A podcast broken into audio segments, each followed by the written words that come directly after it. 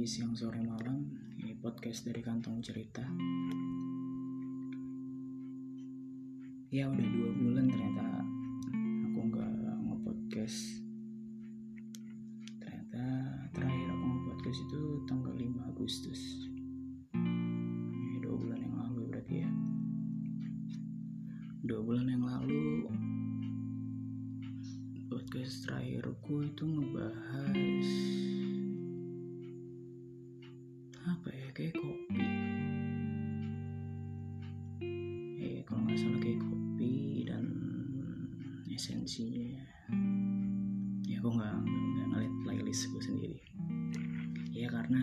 podcast ini tuh fungsinya cuma sebagai kantong. Ya aku mengantongi cerita. Mungkin nanti ada masanya aku bakal play semua. Biar aku ingat tahu apa aja yang aku obrolin dan apa aja yang aku dapet.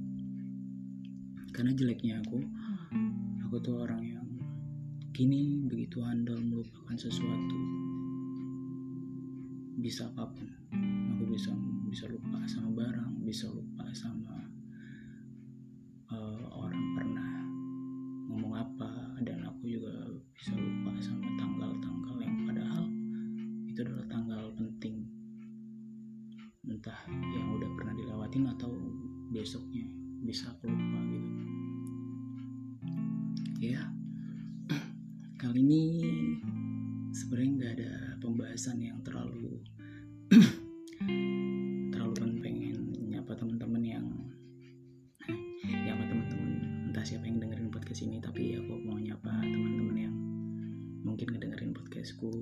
beberapa kali. Kini aku mau cerita sedikit aja kali ya tentang dua bulan kemarin yang aku lewatin. Ya. Bicara soal pandemi ini yang belum selesai sampai detik ini yang belum ada jalan keluarnya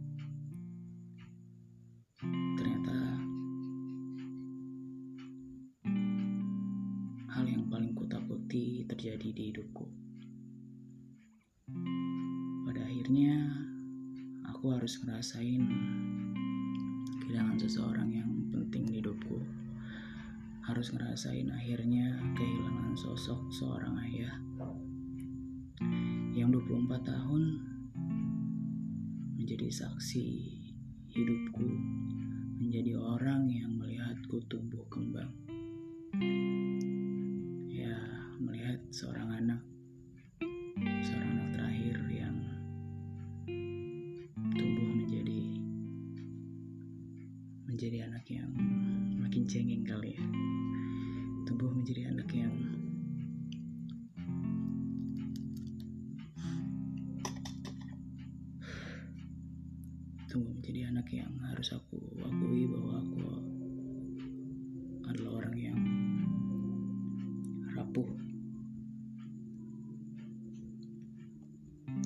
benci kehilangan aku benci momen-momen di mana aku harus belajar terbiasa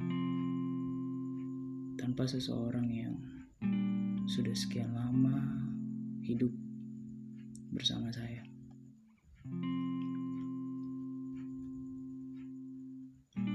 Mungkin beberapa dari kalian tahu dan paham rasanya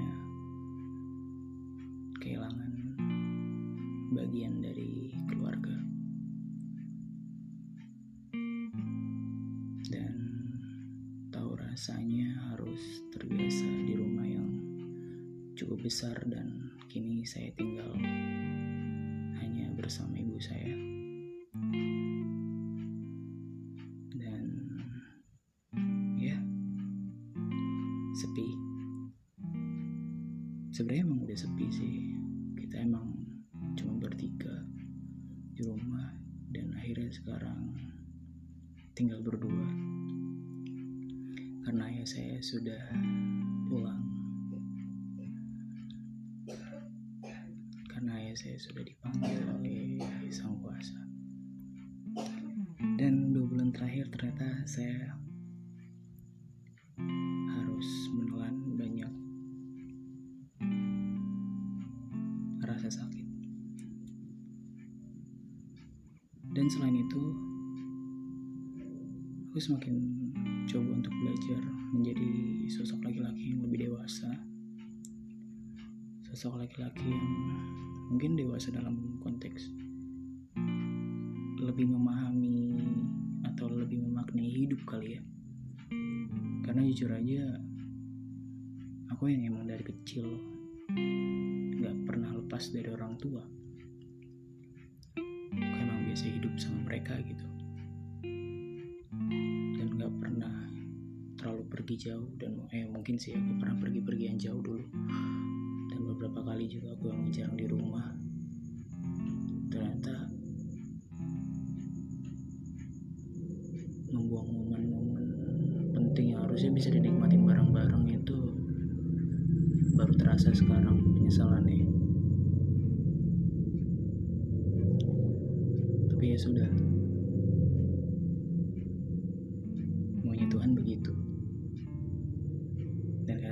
teman-temanku ya sudah ikhlasin aja. Sudah takdirnya. Dan akhirnya aku menemukan seseorang yang cukup menolongku untuk belajar bahwa hidup ini banyak yang harus dimaknai hidup ini harus banyak diambil esensinya diambil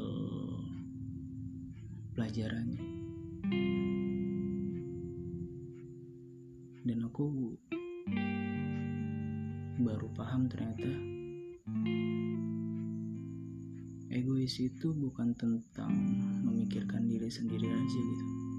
Tapi egois itu bisa tentang tidak memikirkan diri sendiri dan hanya untuk memikirkan orang lain ternyata ada egois sejenis itu. Dan ternyata aku harus di posisi yang tidak memikirkan siapa-siapa sebenarnya. Karena aku takut terlalu tenggelam di dalam pikiran itu sendiri tapi hal lain sih berkata bahwa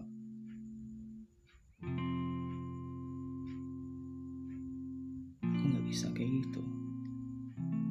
Aku harus memikirkan diriku sendiri. Aku harus memikirkan orang-orang di sekitarku dan aku harus memikirkan tidak hanya tentang aku dan aku harus memikirkan banyak hal yang berdampak pada hidupku.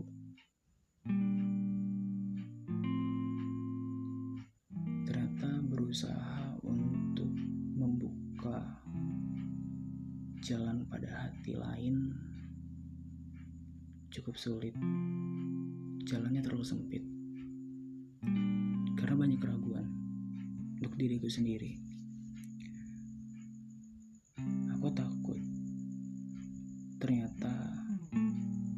jauh dari ekspektasi. Aku takut ternyata.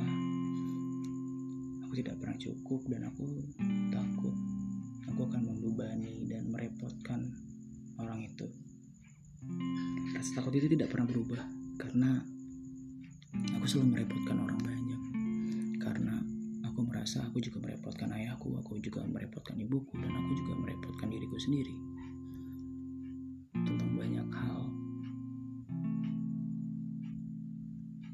sempat angkuh.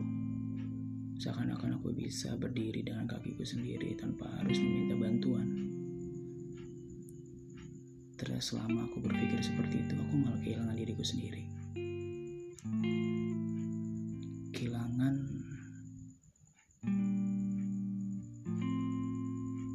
untuk ingin menjadi seseorang untuk menjadi pribadi yang lebih baik. Aku terlalu denial tentang ya sudah hidup harus dijalani dan tidak usah muluk-muluk dan tidak usah jadikan hari esok adalah rencana ternyata harus banyak hal yang disusun agar kita tidak merepotkan orang lain. Kupikir tanpa harus memikirkan hal-hal seperti itu, aku tidak akan merepotkan siapa pun. Dan ternyata aku merepotkan orang lain. Dan ternyata aku membebani orang lain. Aku cukup kecewa dengan diriku sendiri.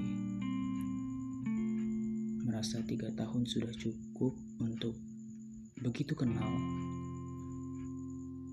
begitu paham bagaimana aku bisa memberikan feedback untuk orang lain bagaimana aku bisa mencerna banyak hal yang harusnya aku akui bahwa itu di luar kapasitasku, itu di luar kemampuanku untuk menerima sebuah pernyataan.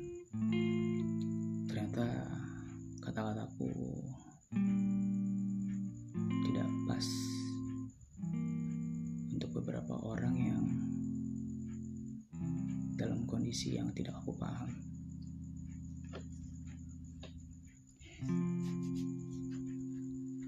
Dan akhirnya seperti tiga tahun itu tidak ada artinya. Aku tidak belajar apa-apa dan aku akhirnya sadar bahwa aku tidak memaknai apa-apa selama itu. Kehilangan hanya membuatku kebas akan perasaan orang lain. Membuatku kebas akan rasa orang tersebut. Membuatku menjadi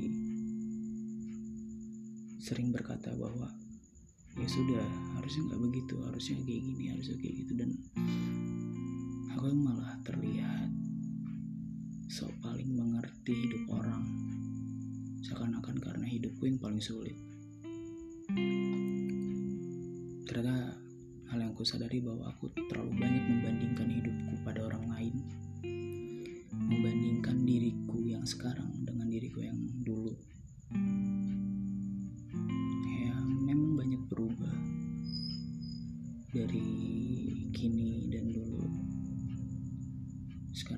lebih sempit berpikir ya ternyata itu juga buruk. Ternyata aku harus berpikir lebih luas lagi. Kalau niatku memang harus menjaga perasaan orang lain dan tidak merepotkannya. Tapi aku pikir bukan hanya sosok yang bisa merepotkan, ternyata ada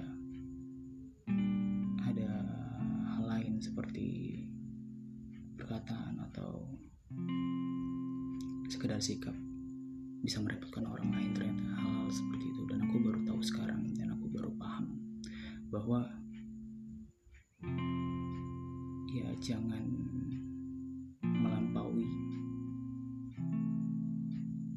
orang yang paling merasakan dibanding kita sendiri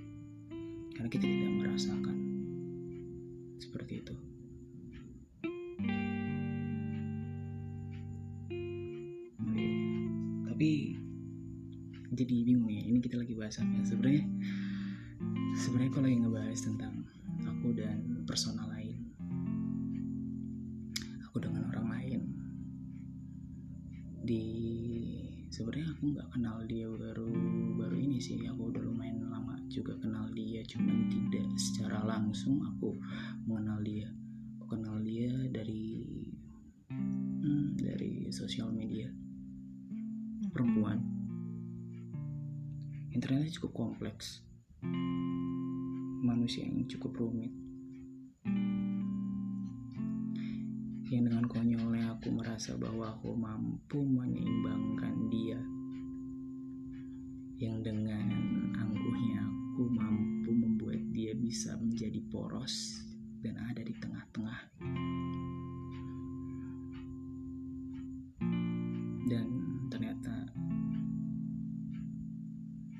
dan ternyata aku tidak mempunyai kapasitas untuk menggeser dia sekalipun. Orang ini cukup cukup spesial karena selama petualanganku hadir di hati orang lain ternyata hadir di hati dia bukanlah tempat yang bukanlah tempat yang bukan seperti apa ya? Hmm, bukanlah tempat yang cukup sejuk. Tapi aku suka berada di situ karena aku mempunyai suasana yang sama. Menurutku seperti itu dia sering bilang bahwa mengalir aja ikuti arusnya. Dan ternyata aku nggak punya gelombang aku nggak punya arus untuk mengarahkan dia ke mana pun. Justru kebalikannya aku yang mengikuti arah langkahnya dia. Mungkin bisa dibilang aku hanya ini hanya menjadi bayangannya. Berharap Suatu hari nanti aku bisa dinotis sama dia bahwa aku ada, bahwa kehadiranku ada. Harapan kecil dalam hatiku dari sekian lama aku coba untuk tidak menerima siapa pun masuk ke dalam hatiku. Hanya karena beberapa alasan konyol, tidak konyol sih sebenarnya. Memang ada beberapa sakit yang tidak orang lain pahami. Seperti aku pun tidak pasti memahami hati orang lain karena ya seperti yang ku bilang tadi semua pasti punya kapasitas. Dan ternyata aku belum sampai di kapasitas untuk bisa memahami orang yang sesulit ini. Tapi dia membuatku banyak belajar membuatku banyak mengerti tentang bagaimana caranya berpikir menggunakan akal sehat, menggunakan logika, menggunakan ya yang berkaitan dengan realitas. Karena memang aku cenderung orang yang lebih banyak menggunakan perasaan. Ya, mungkin karena pengaruh si cancer yang terlalu perasa pada akhirnya aku ketemu sama perempuan seperti ini yang mengajarkanku bahwa ya kita harus berada di realita jika ingin menikmati kenyataan. Tapi sebenarnya aku menceritakan ini bukan tentang aku seperti ingin memuji, tapi aku sedang memeriksa kehadiranku di dalam hidupnya ini akan merepotkan atau sebaliknya. Aku sedang mempertimbangkan diriku sendiri tentang memeriksa lagi uh, apakah pantas, apakah aku harus tetap ada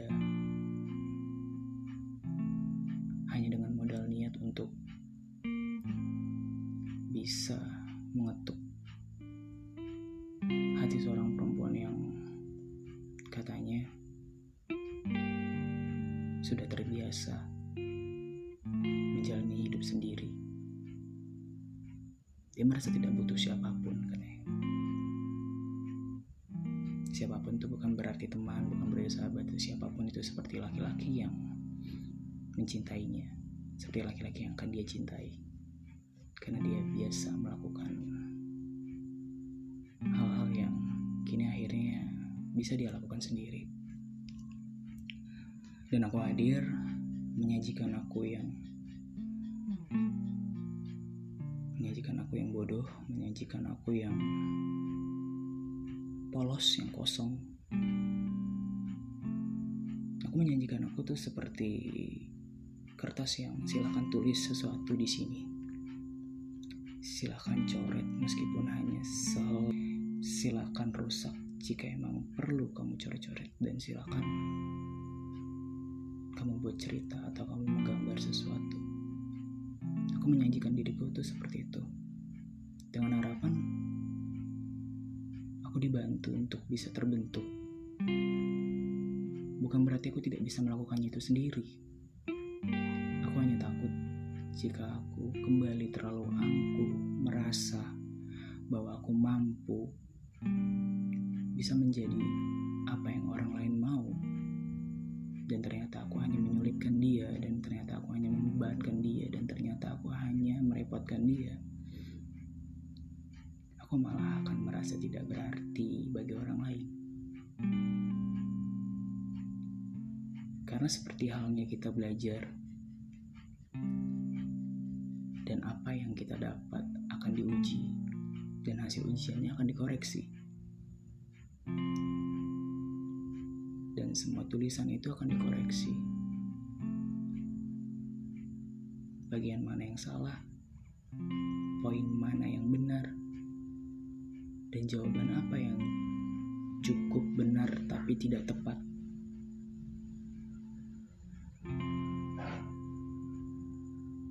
seperti itu yang kurasakan. Dan dan ternyata aku kertas yang terlalu kecil. Dan dia begitu giat menulis banyak hal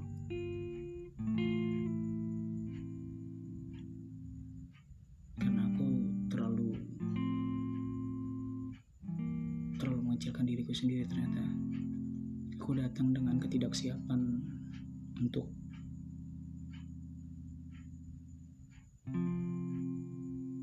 untuk disobek mungkin. Karena ya aku tidak bisa menjual semua kesedihanku sih. Tapi yang jelas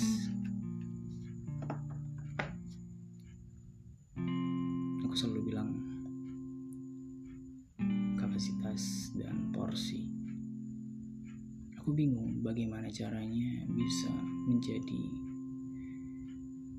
hidangan yang membuat dia selera untuk melahapku hingga habis. Karena sering kali aku menjadi hidangan yang tidak menggugah sama sekali bahkan untuk dicium aromanya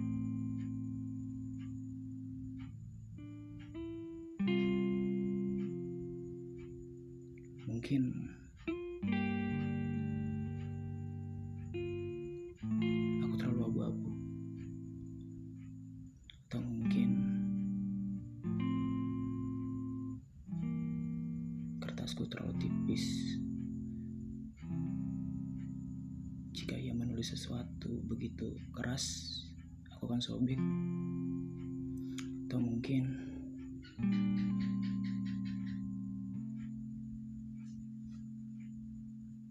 aku bukan kertas yang cocok untuk menulis.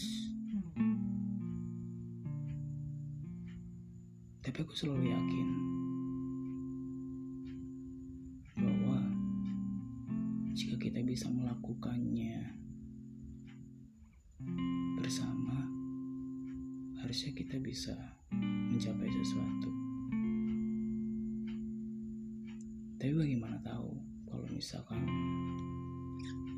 apa yang dia mau adalah apa yang aku mau juga? Jika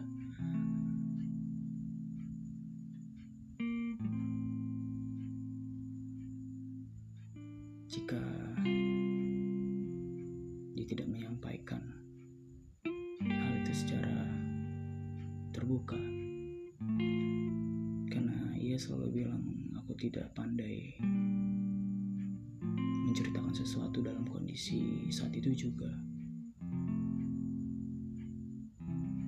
Dan ternyata kelemahanku adalah menerka-nerka seakan-akan aku tahu hal itu dan seakan-akan perasaan yang dia rasakan bisa aku rasakan.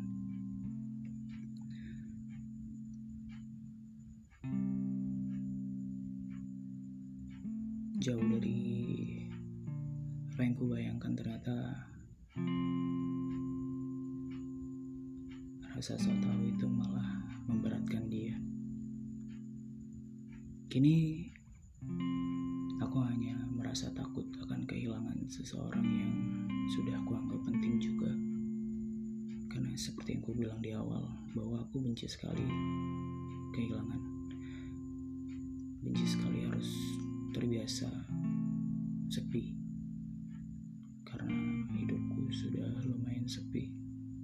meskipun aku terlalu banyak bertemu orang-orang karena harapanku aku bisa belajar dari mereka.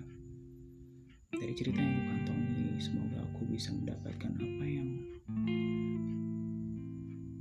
berarti dalam hidup ternyata tidak selalu seperti itu.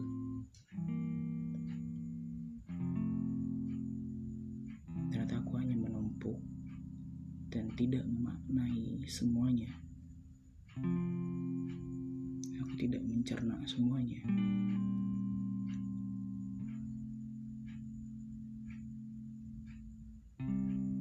Dan sering kali aku merasa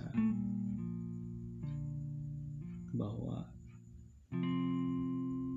apakah aku terlalu kecil untuk menjadi wadah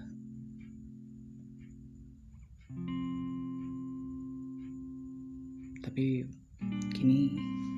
pentingnya untuk lebih sadar bahwa kita tidak bisa menerka perasaan orang lain. Kita tidak bisa seakan-akan tahu cuma dari cerita. Ternyata kita memang benar-benar harus menggunakan perasaan untuk sekedar menjadi rasa bahwa cukup bila tidak mampu. Bagian itu hanya perasaan yang mampu. Dan sebenarnya kalau dianalogikan secara logis, hal apa yang bisa menggambarkan bahwa rasa kecewa, rasa sedih, rasa takut itu digambarkan secara logis dan kita paham. Menurutku, rasa ya hanya bisa dirasakan dengan perasaan. Dan jika memaksa aku untuk merasakan itu dengan logika, rasanya aku hanya akan menjadi orang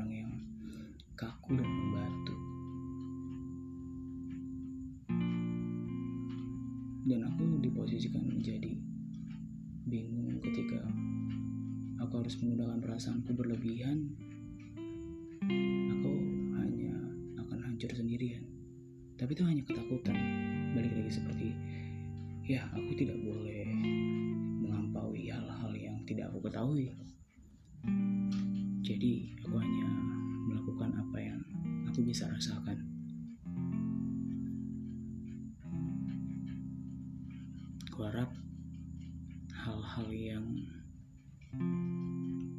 membebani seseorang. Beba uh, lebih baiknya dilepaskan saja. Karena aku belajar dari seseorang